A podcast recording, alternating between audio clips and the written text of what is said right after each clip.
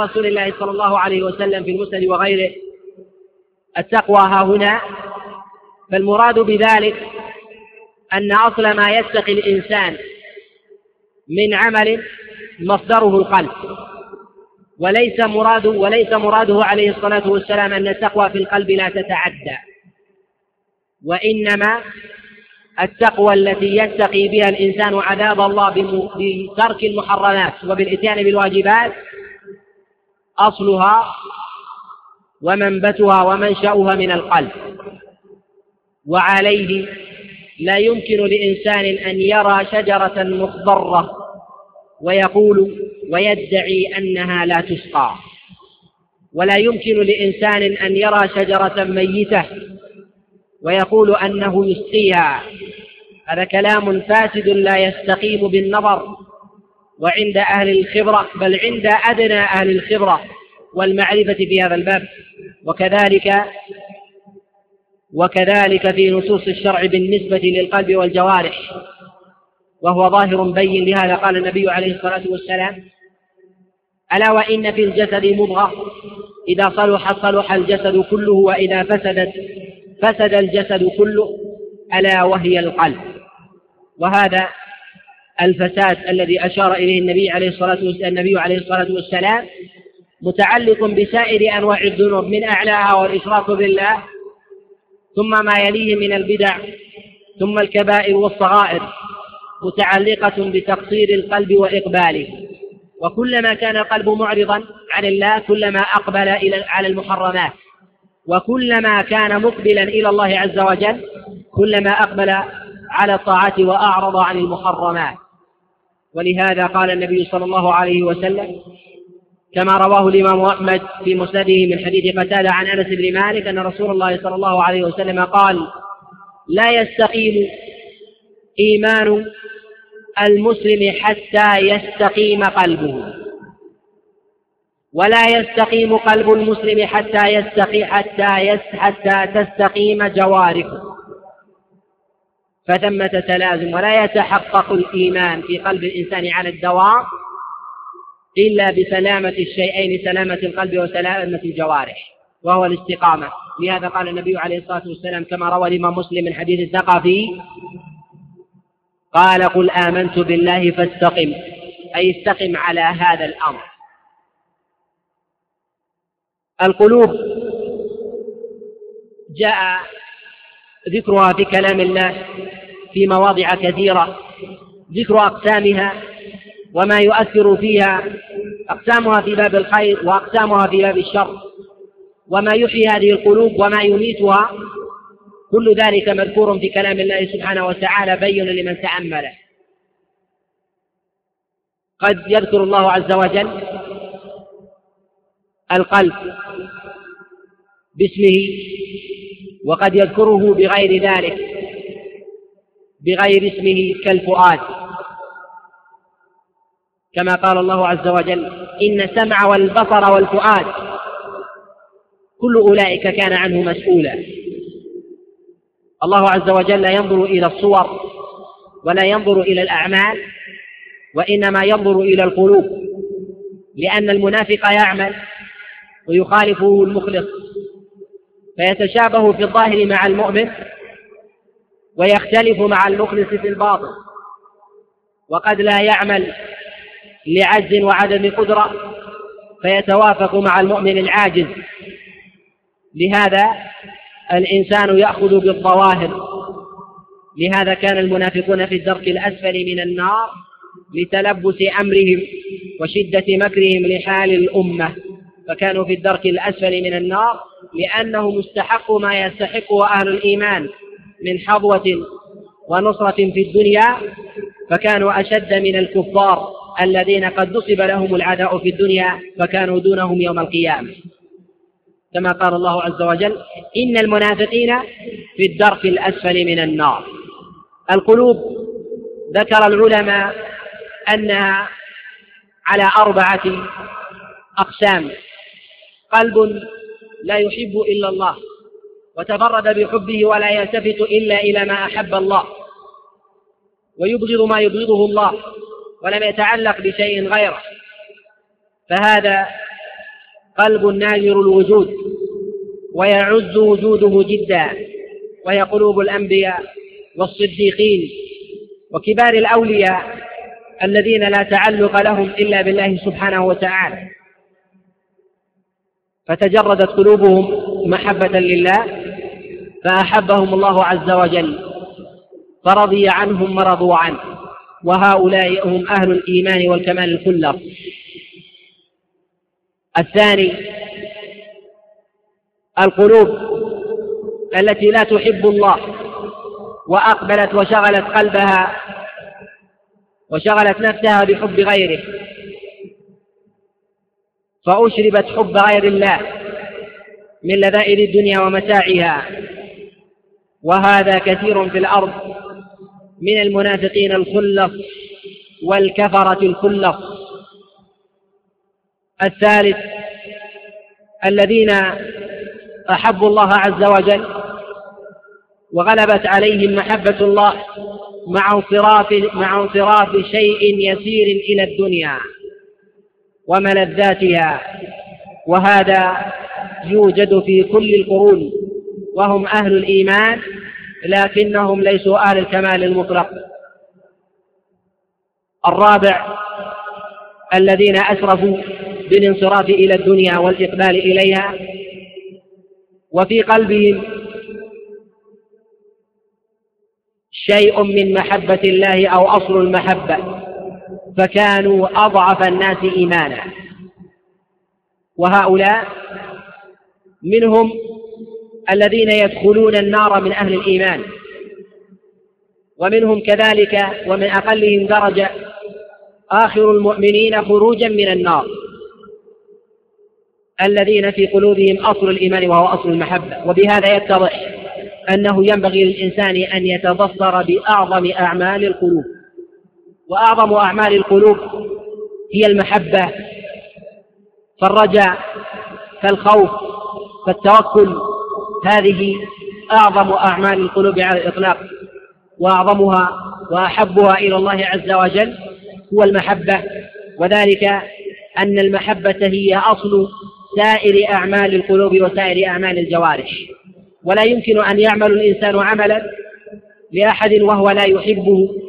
حتى وإن عمل في الظاهر فيكون قد نافق في باطنه. فكان كطريقة الأبالسة وأعوان الشياطين من المنافقين الخلص والعياذ بالله. أما من جهة عمل القلب في باب الحلال والحرام فإن أعمال القلب تنقسم إلى ثلاثة أقسام. عمل سيئة بنفسه.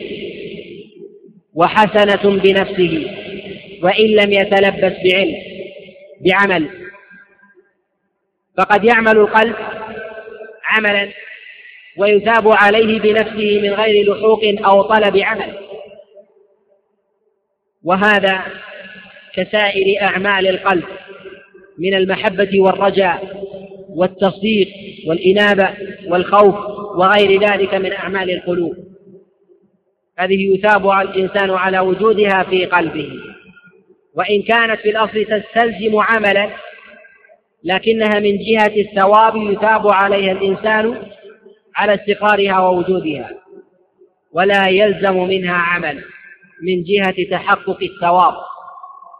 ويلزم من العمل وجود الإيمان واستقراره لكنه يثاب على أصل وجود هذا العمل. العمل الثاني عمل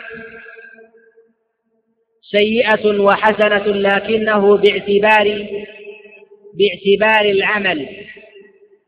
فإن كان الإنسان عاجزا عن العمل فإنه يأثم بالسيئة ويثاب بالحسنة. كمن رغب أن يعمل عملا كالنفقة هذا في باب الحسنات لكنه عاجز عن الإنفاق فهذا يثاب على عمله. وكالذي يرغب بعمل السيئة من شرب خمر وزنا وغير ذلك من فسوق لكنه منعه مانع خوف خوف من أحد أو من رقيب. وغير ذلك فهذا يلحقه الإثم لأنه ما ترك العمل لأجل الله. فهذا من من العمل السيء الذي يعاقب عليه الإنسان. الثالث العمل الذي لا بد أن يتحقق معه عمل الجوارح. لكي يتاب عليه الإنسان ولكي يعاقب عليه.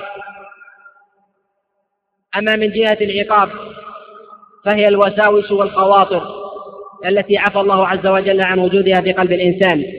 فالإنسان معفو عن وجودها كالذي يفكر في من خلق رب العالمين. كما قال النبي عليه الصلاة والسلام إن الشيطان لا يزال بأحدكم فيقول من خلق كذا وكذا حتى يقول من خلق الله. فهذا مما لا يأتم به الإنسان لأنه لأنه وساوس لم يعمل بها الإنسان ولم ينساق كذلك في باب الخير تلك الخواطر التي يرغب الإنسان تحققها مع إمكان العمل ولم يعمل. فهذا لا يثاب الإنسان عليها حتى يوجد العمل. كالذي يود أن يصلي وأن يصوم وأن يتصدق وقد سلم الله عز وجل له جسده ورزقه المال لكنه لم يصلي ولم يصم ولم ينفق. فهذا لا يثاب وهو المحروم. وهو المحروم من الأجر. ومن جهة ومن جهة نتائج العمل على القلب جاء تقسيمها في كلام الله سبحانه وتعالى إلى ثلاثة أقسام أي بعد ورود العمل من الخير والشر. القسم الأول قلوب مريضة.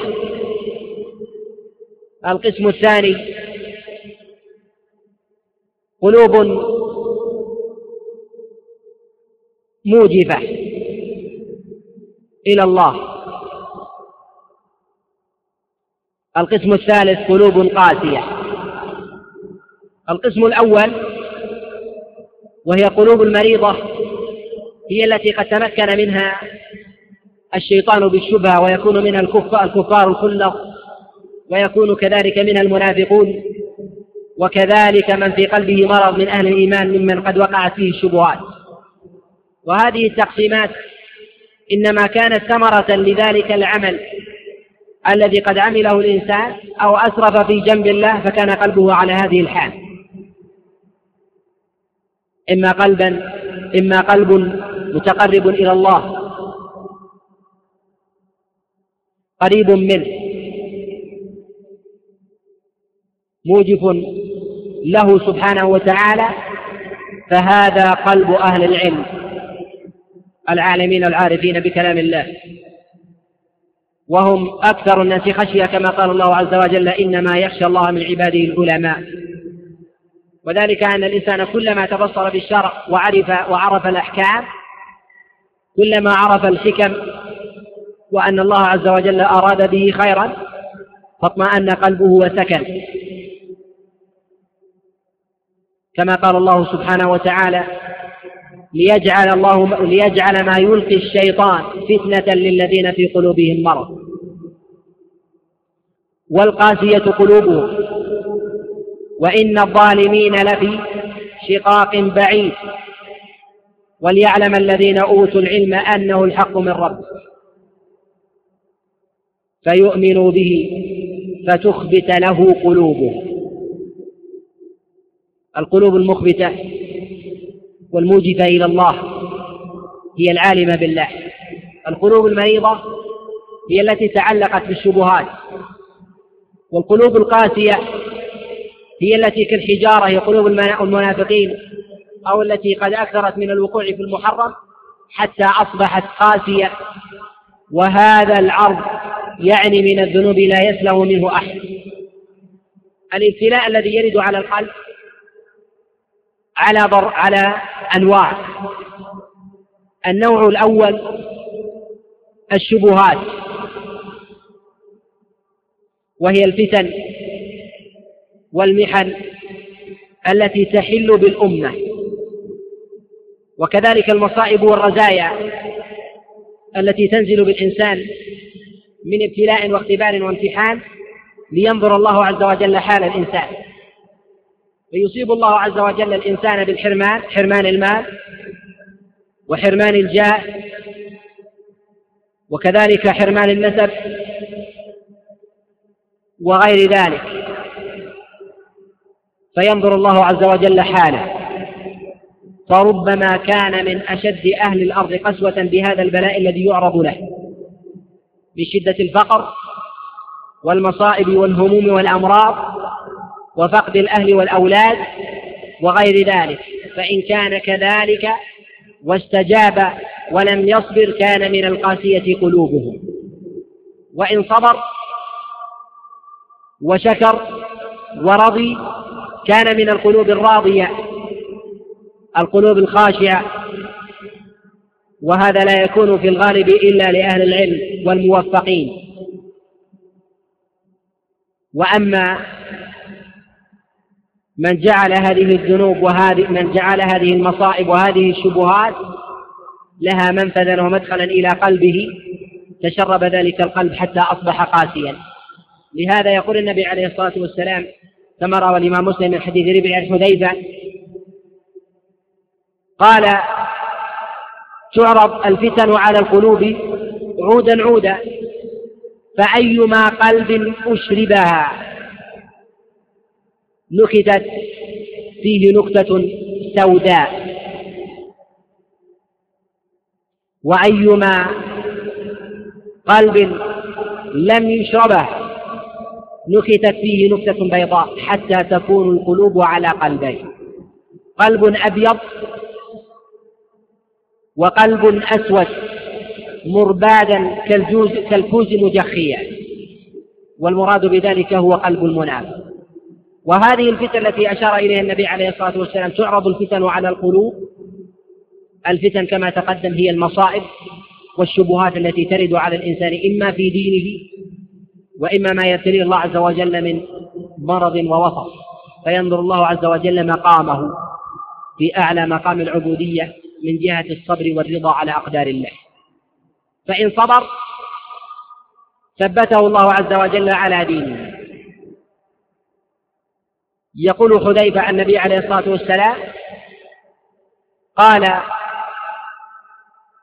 في قلب المنافق يكون أسودا مربادا كالكوز مجخيا لا يعرف معروفا ولا ينكر منكرا وهذا هو الختم على القلب. أما بالنسبة للمؤمن قال فلا يضره ما يعرض عليه من فتن. وهذا هو الختم عليه من جهة التوفيق والسلامة. وهذا لا يكون إلا لمن اشتد به البلاء. ولا يمكن أن يمكن الإنسان من دينه إلا بعد ابتلاء. ولهذا قيل للشافعي هل يمكن الإنسان هو خير هل خير للإنسان أن يبتلى فيمكن أم يمكن بلا ثم يبتلى؟ أم يمكن بلا ابتلاء؟ فقال الشافعي عليه رحمة الله لا يبتلى لا يمكن الإنسان حتى يبتلى. والمراد بالتمكين والتمكين من جهة قوة الإيمان حتى يرد على هذا القلب من الفتن والشبهات. والمصائب والكوارث التي تلحق الإنسان ثم يصبر ثم يختم الله عز وجل عليه أنه لا يضره شيء. لهذا قد روى ابن أبي عمر في المسند من حديث سفيان بن عيينة عن عطاء بن السائب. عن ابن أبي ليلى قال أخبرني رجل عن رسول الله صلى الله عليه وسلم فقال تختلف فيكم ملائكة الليل وملائكة النهار. فيصلون ويتقون في صلاة الفجر وصلاة العصر. فتصعد ملائكة الليل في صلاة فتصعد ملائكة الليل بعد صلاة الفجر وتنزل بعد صلاة العصر. وأما ملائكة النهار فتنزل بعد صلاة الفجر. فتصلي معكم وتصعد بعد صلاة العصر. فيقول الله عز وجل للملائكة ماذا وجدتم عبادي؟ فيقول وجدناهم يصلون. وتركناهم وهم يصلون. فتقول الملائكة إن فيهم عبدك فلانا. نزل به بلاء فوجدناه صابرا شاكرا. فيقول الله سبحانه وتعالى وهو أعلم. زيدوه في البلاء فيزيدوه في البلاء. فيقول الله عز وجل ماذا صنع عبدي فيقول الله فيقولون زدنا. فيقول الله عز وجل زيدوه في البلاء فيزيدوه في البلاء. فيقول كيف وجدتم عبدي؟ قالوا وجدناه صابرا شاكرا. فيقول زيدوا عبدي في البلاء فيزيدوه في البلاء. فيقول الله سبحانه وتعالى زيدوه. فيقول الملائكة والله عز وجل أعلم بذلك. زدناه حتى نفذت زيادة البلاء. قال كيف وجدتم عبدي؟ قال قالوا وجدناه أصبر عبد وأشكره في السراء والضراء.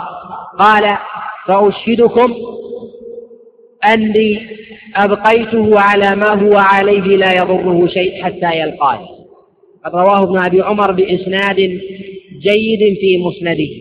وهذا البلاء وهذا التمكين للإنسان بقوة الإيمان لا يمكن أن يتحقق للإنسان إلا بعد شدة البلاء التي الذي يأتي الإنسان.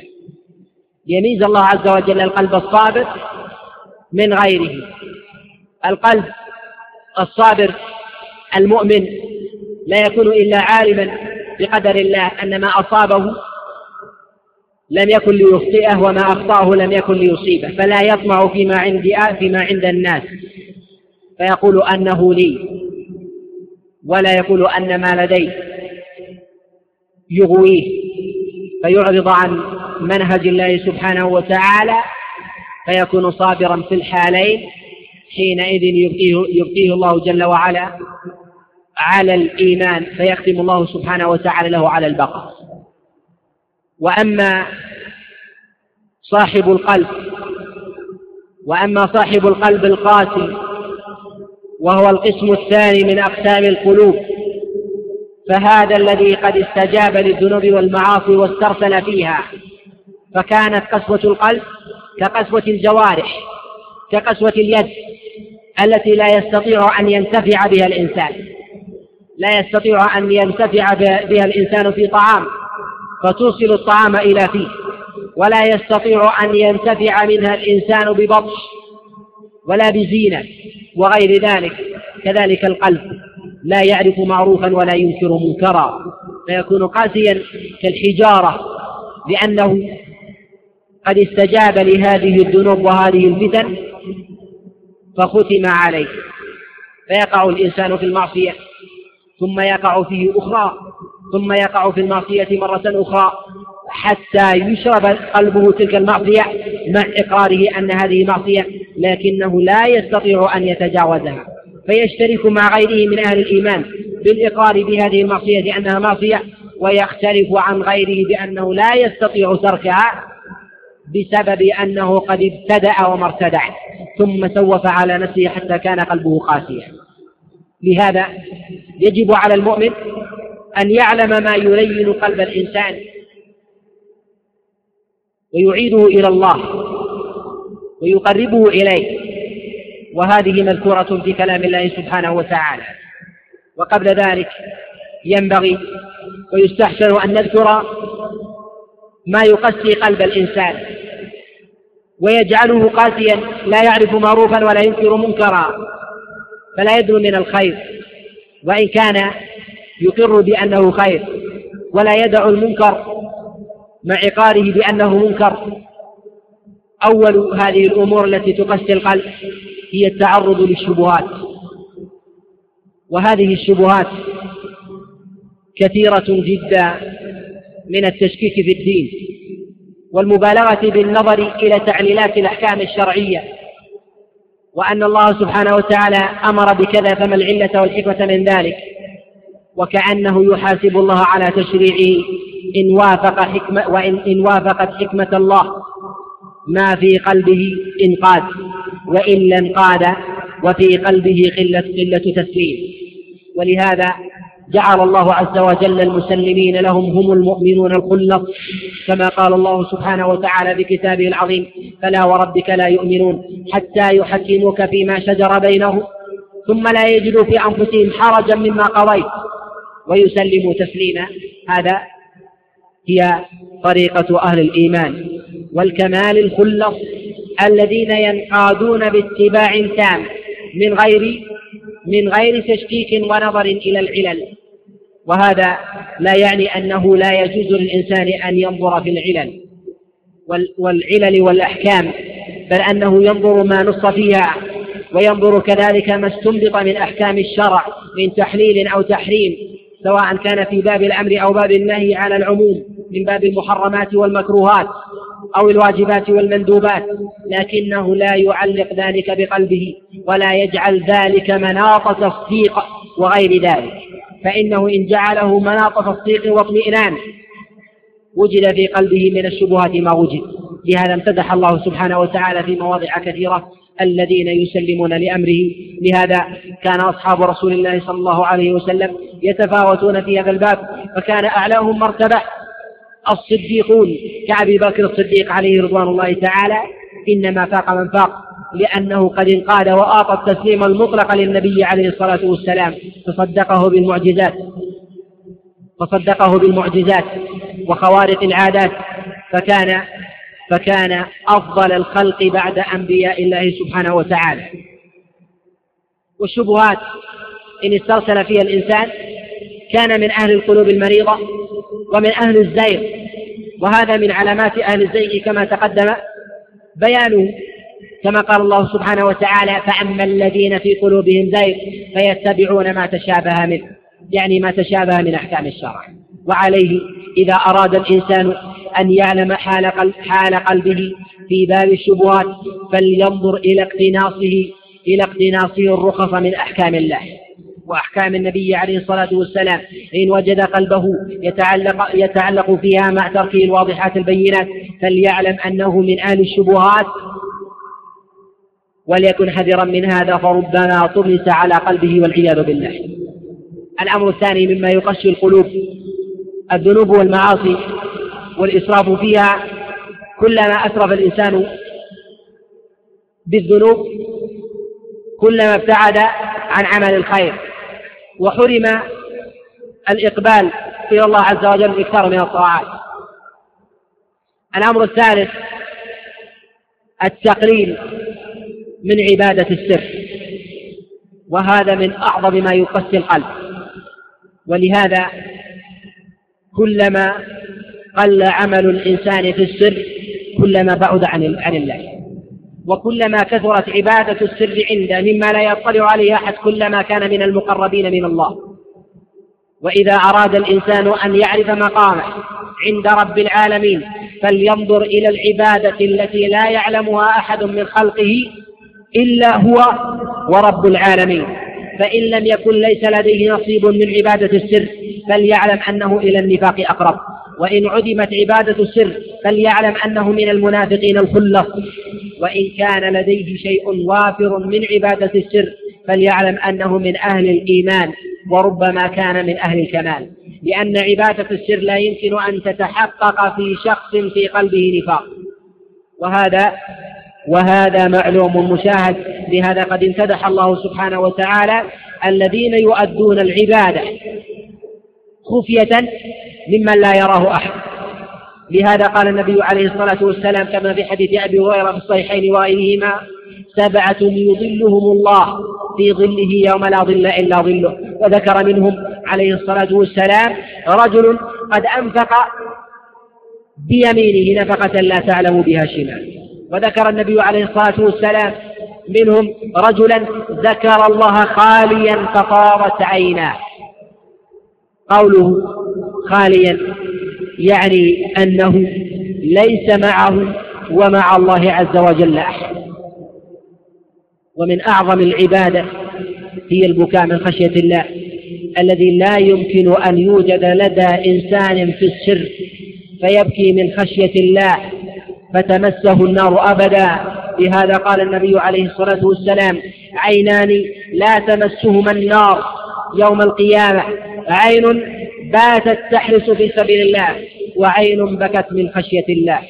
والمراد بذلك من خشية الله لا من خشية غيره ولا رياء في غيره ولا حبا في سمعة غيره. وكلما كان الإنسان متحققا في هذا كلما كان من أهل الإيمان الخالص. من أراد أن ينظر إلى مقامه في العبودية لينظر إلى عبادة السر بجميع أنواعها من صلاة وصيام وصدقة وصلة رحم وغير ذلك. فإن كان له نصيبا وافرا فليعلم أنه من أهل الإيمان الصادق. وإن كان نظر إلى أعماله ولا يوجد عمل سر إلا وقد أطلع عليه الناس أو عمله أو عمله علانية فليعلم أنه إلى النفاق إلى النفاق أقرب.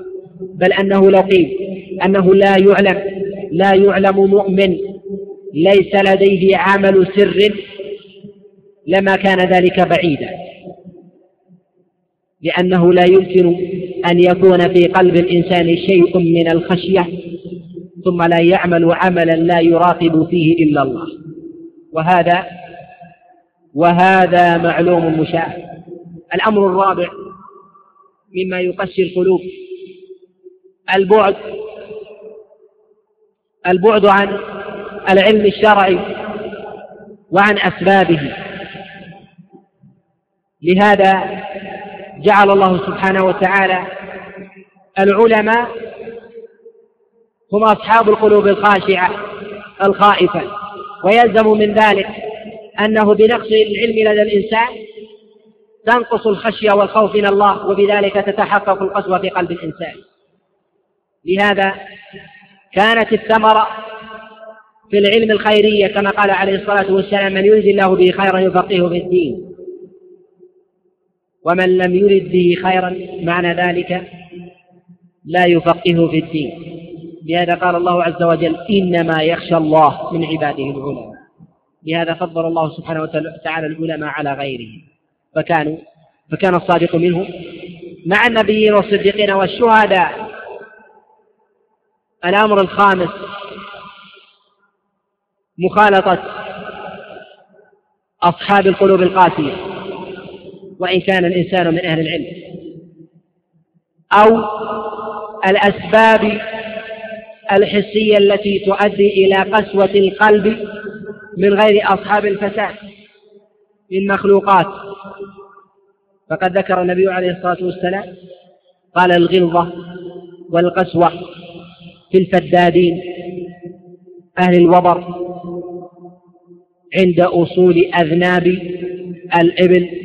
من ربيعة ومضار وقسوة القلوب يلزم منها الإعراض عن الطاعة. والتعليل في مثل قول النبي عليه الصلاة والسلام غلظ القلوب والقسوة في الفدادين أهل الووى وهم أهل الإبل. المراد بذلك هل هي هذه المخلوقات بذاتها أم أن الأصل أن من اعتنى بها أعرض عن مواضع العبادة ولها؟ لا يمكن أن يتحقق لديه تلك الأسباب من علم ومخالطة أهل الصلاح ونحو ذلك. يقال أنه قد يجتمع هذا في الطاعة أي تركها لانشغال الإنسان وعليه يشترك مع هذا غير الإبل كالانشغال بالدنيا ونحو ذلك وإن لم يكن الإنسان من أهل الإبل. كالمبالغة في التجارة والانصراف فيها والإقبال إلى الدنيا يشترك مع غيره.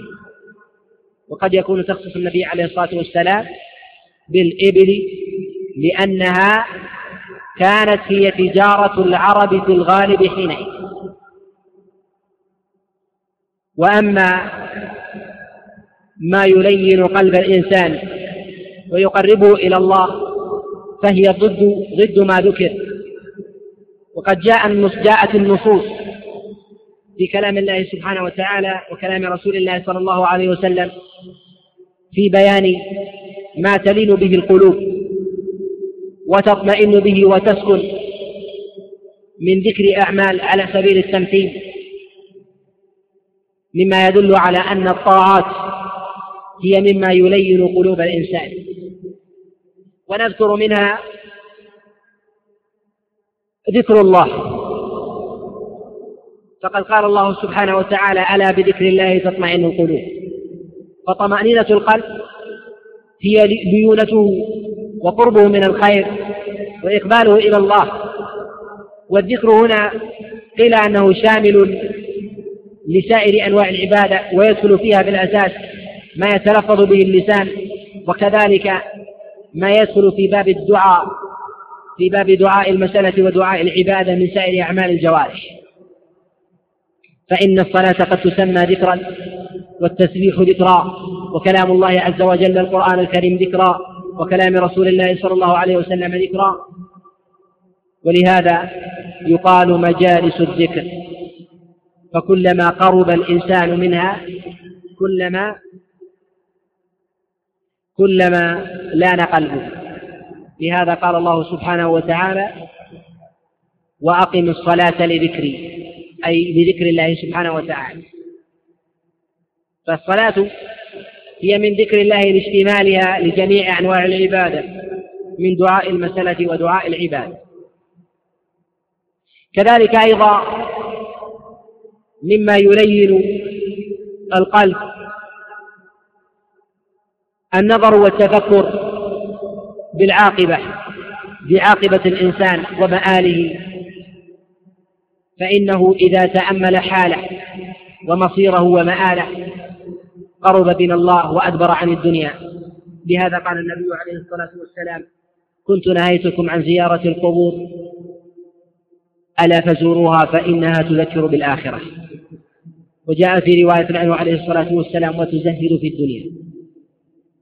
لهذا ينبغي للإنسان أن ينظر في العاقبة وما يذكره فيها ومما يذكره فيها النظر إلى حال الموتى وآثارهم. لهذا أمر الله سبحانه وتعالى بالضرب في الأرض والنظر في حال السالفين من الأمم السابقة. فانظروا كيف كانت عاقبة المكذبين. لهذا قص الله عز وجل على نبيه عليه الصلاة والسلام أخبار الأمم السابقة كثيرا في كتابه العظيم وجاء ذلك في أحاديث قدسية في أحاديث قدسية كثيرة. ذكر أحوال الأمم السابقة. فبها تلين القلوب وبيان وبيان حالهم أنهم أشد بطشا منا وجعل الله عز وجل لهم من التمكين والقوة ما لم يجعله الله عز وجل لمن جاء بعد. ومع ذلك أهلكهم الله. ينظر إلى حال النبي سليمان عليه الصلاة والسلام وحال قومه.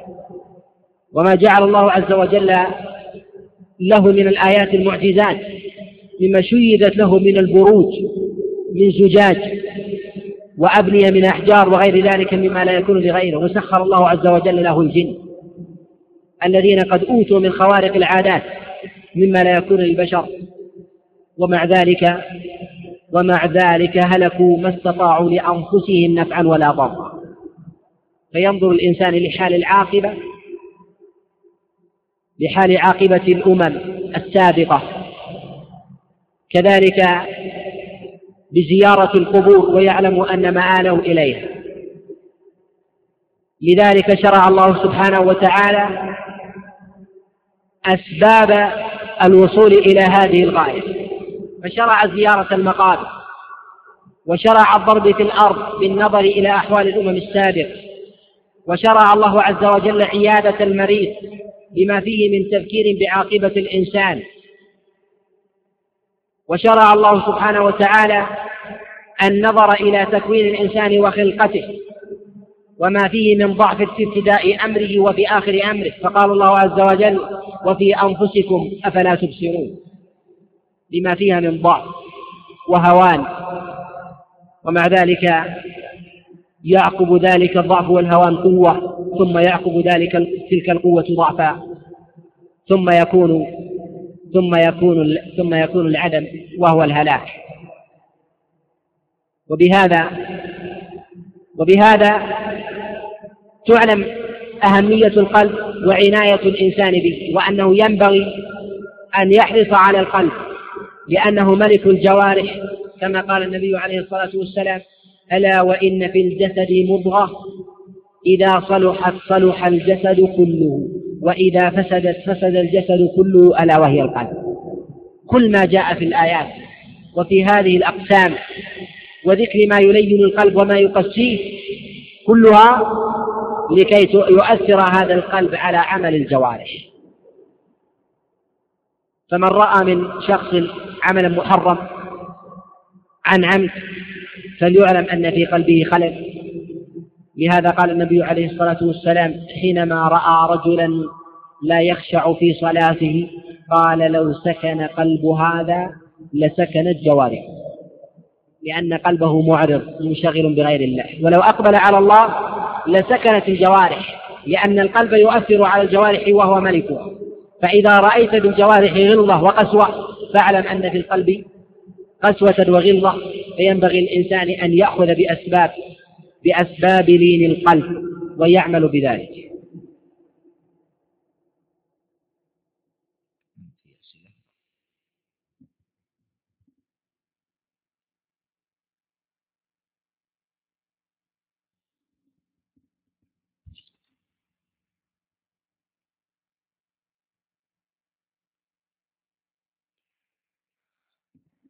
يقول هل يصح حمل قول النبي عليه الصلاة والسلام خاليا على أنه لا يشعر بأحد من الحاضرين؟ نعم يدخل في الخلوة. من؟ دمعت عينه وإن كان في حاضر ولا يراه أحد يدخل كذلك في باب الإخلاص. يقول شخص فتح الله عليه من الأموال فهو ينفق منها سرا وجهرا ولم يؤتي الله عز وجل مزيد علم. العلم له أسبابه قد يأخذ بها الإنسان ولا يوفق إليه. ولكن أبواب الخير وما يلين القلب كثير. لا يعني أن العلم هو الباب الواحد المنفرد. لا ذكرنا أسباب كثيرة. الإقبال والإكثار من الطاعات. كلما أكثر الإنسان من الطاعات كلما لأن القلب. وكلما أكثر من المعاصي كلما استمرأ القلب. وكثير من الناس يقع في المحرمات ويقول أعلم أنها محرمة ولديه من اليقين أنها محرمة وأنه سيحاسب عليها كان كما لدى المؤمن الخالص الإيمان من العلم لكنه ذاك لا يستطيع أن يخرج وهذا هذه المعصية هي أزهد عنده من نثر الدنيا. لماذا؟ لأن ذلك ما علق قلبه بها. وهذا قد علق قلبه بها فأشربها هذا القلب فكان لا يعرف معروفا ولا ينكر منكرا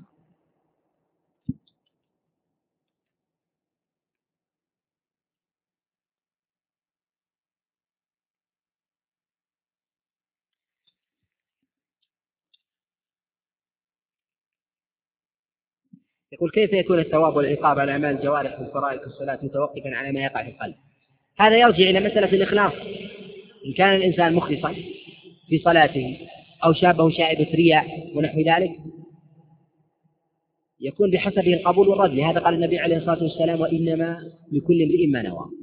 أي ما في قلبه من إخلاص وإقبال الله عز وجل. ربما يصلي شخصان متجاوران ركعتين وما وبينهما كما بين السماء والأرض. هذا قلب مقبل مخلص كامل الإخلاص ترفعها بالصلاة إلى أعلى عليين وهذا ليس بصاحب إخلاص ومعرض ربما تهوي به هذه العبادة التي الأصل فيها قربة تهوي به في النار تدخين خليل والعياذ بالله.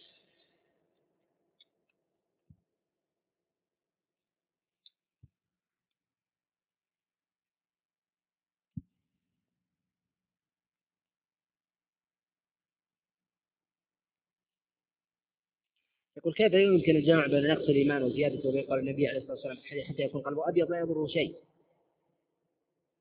هذا لا يمكن أن يتحقق للإنسان أن يكون قلبه أبيض لا يضره شيء إلا بعد كما تقدم إما شدة الابتلاء والتمحيص حتى يتمكن القلب ثم يختم الله عز وجل على هذا القلب بأنه لا يتغير ولا يتبدل كما تقدم في حديث أبي ليلى وذلك أنه عرف الله عز وجل في السراء والضراء فما ضره شيء ختم الله عز وجل.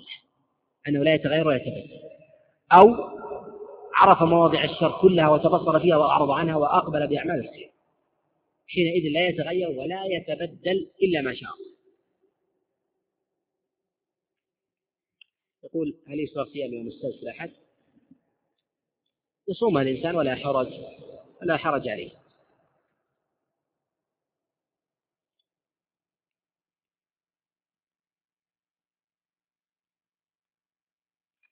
يقول إذا أراد الرجل أن يسافر وأقع بين زوجاته فأخذ أحدهن في السفر هل يدخلها في القرآن أم لا؟ يقصد إذا كان الشخص يريد أن يسافر بزوجة ثم بعد ذلك إذا رجع هل يقسم بين نسائه هذه المدة باعتبار أنه يترك هذه الزوجة المدة التي أخذها؟ لا يبدأ القسم من القسم من جديد وتدخل الزوجة التي سافر بها في القسم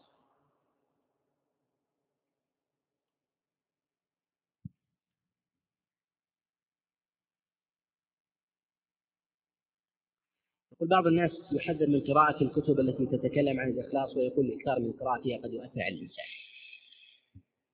كثير ممن تكلم على أعمال القلوب والكلام عليه يطول جدا وذلك أن العلماء بين مبالغ في هذا الباب ويدخل في دقائق الأولى أن لا يدخل فيه وأن ينبه على الأصول ويترك دقائق الأمور التي لا يمكن الإنسان أن يدركها. ممن يبالغ في هذا أبو حامد الغزالي في كتاب إحياء علوم الدين. يكثر من هذا كذلك الطيبي في بعض رسائله وغيرهم.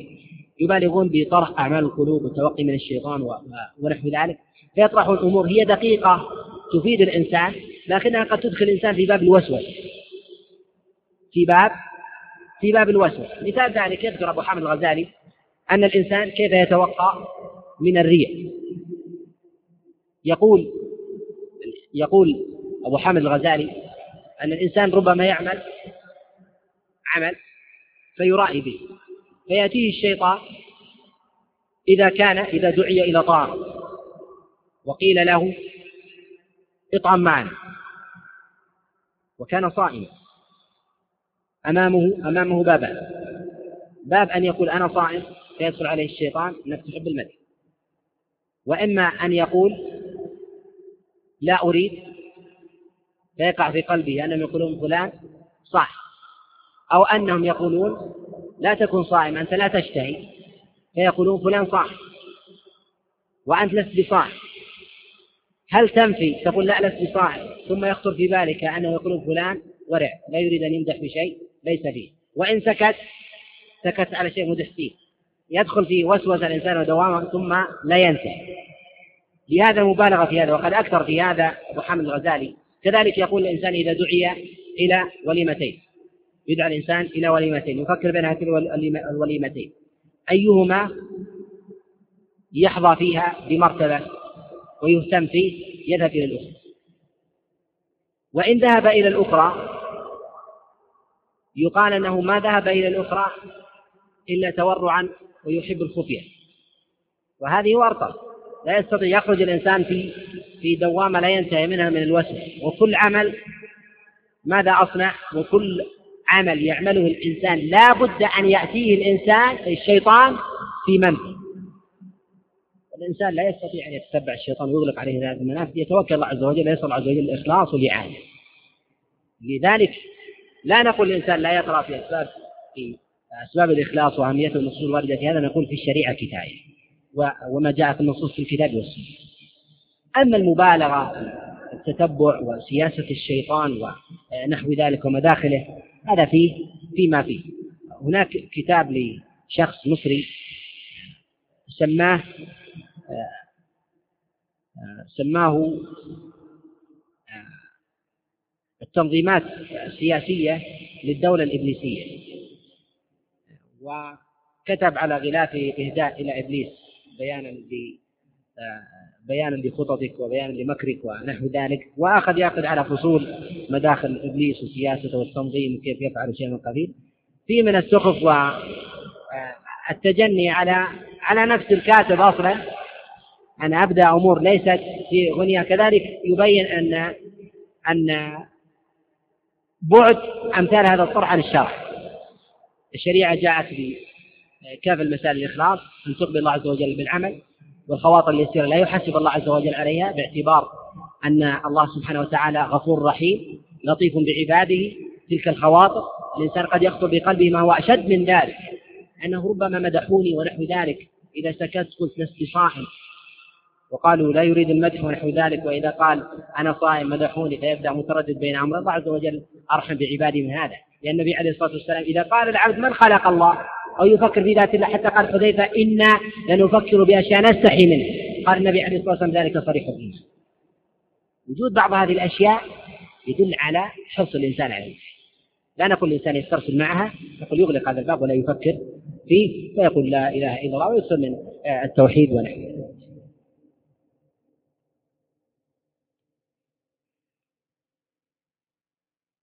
يقول بعض الناس يستشهد ببعض عبارات وتجارب علماء وحكماء العرب فلا يجوز مثل هذا.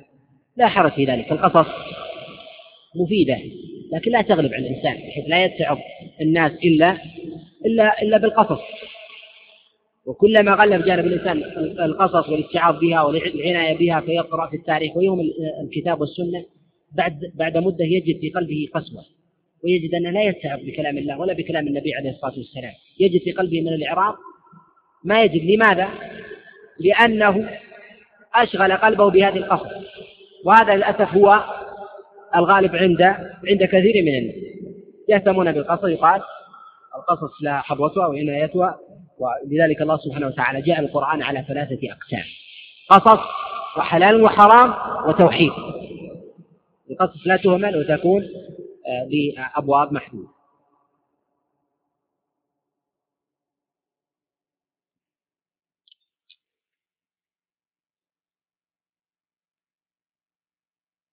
يقول هل من السنة لبس الثوب إلى نصف الساق؟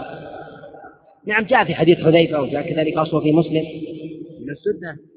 والسنة تبتدئ من الكعبين الكعبين إلى إلى نصف الساق. وهذا ممدوح عند العرب حتى في الجاهلية. يمدحون الرجل مشمر إزاره. كما يقول الشاعر دريد بن صمة قليل التشكي للمصيبات حافظ مع اليوم أدبار الحديث الأحاديث في غد.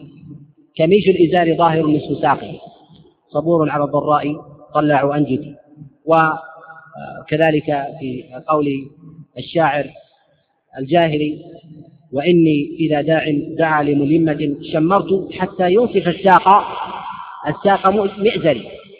وهذا ممدوح. وقد جاء تأكيده عن النبي عليه الصلاة والسلام في حديث حذيفة وغيره التشمير آه، دليل على البعد عن آه، الترف البعد عن آه، التكبر وأسبابه وهو ممدوح في الشرع ويكفي فيه ما جاء عن رسول الله صلى الله عليه وسلم من أدلة. ولكن يقال أنه ممدوح خلقا وعادة وكذلك جاء الشرع بتأكيده.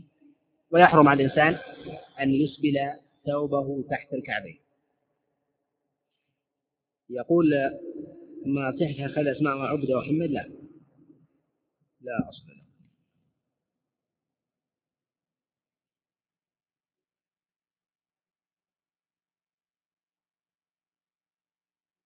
كيف؟ ما لا ما يعلون في مسند الإمام أحمد. طيب.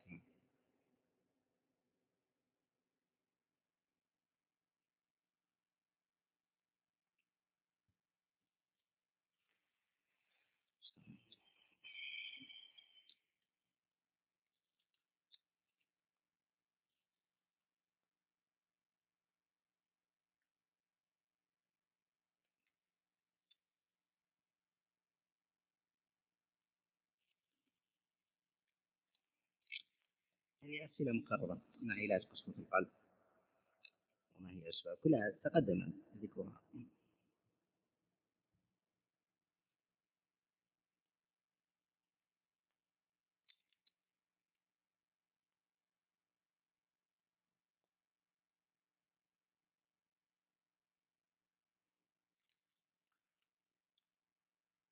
يقول من راجع في إطالة الشعر أهل السنة؟ قال سئل الإمام أحمد كما في مسائل الخلال كتاب التوجه عنه. فقال السنة لو استطعنا لفعلناه. وقال بعضهم بأنه عادة وهذا هو الأظهر جاء رسول الله صلى الله عليه وسلم أنه كان له جمة تبلغ الأذنين شحمة الأذنين وجاء عنه الكتفين وثبت عن رسول الله صلى الله عليه وسلم أنه حلق شعره كله كما في حجه عليه الصلاة والسلام. فالذي يظهر أنها أنها من العادات.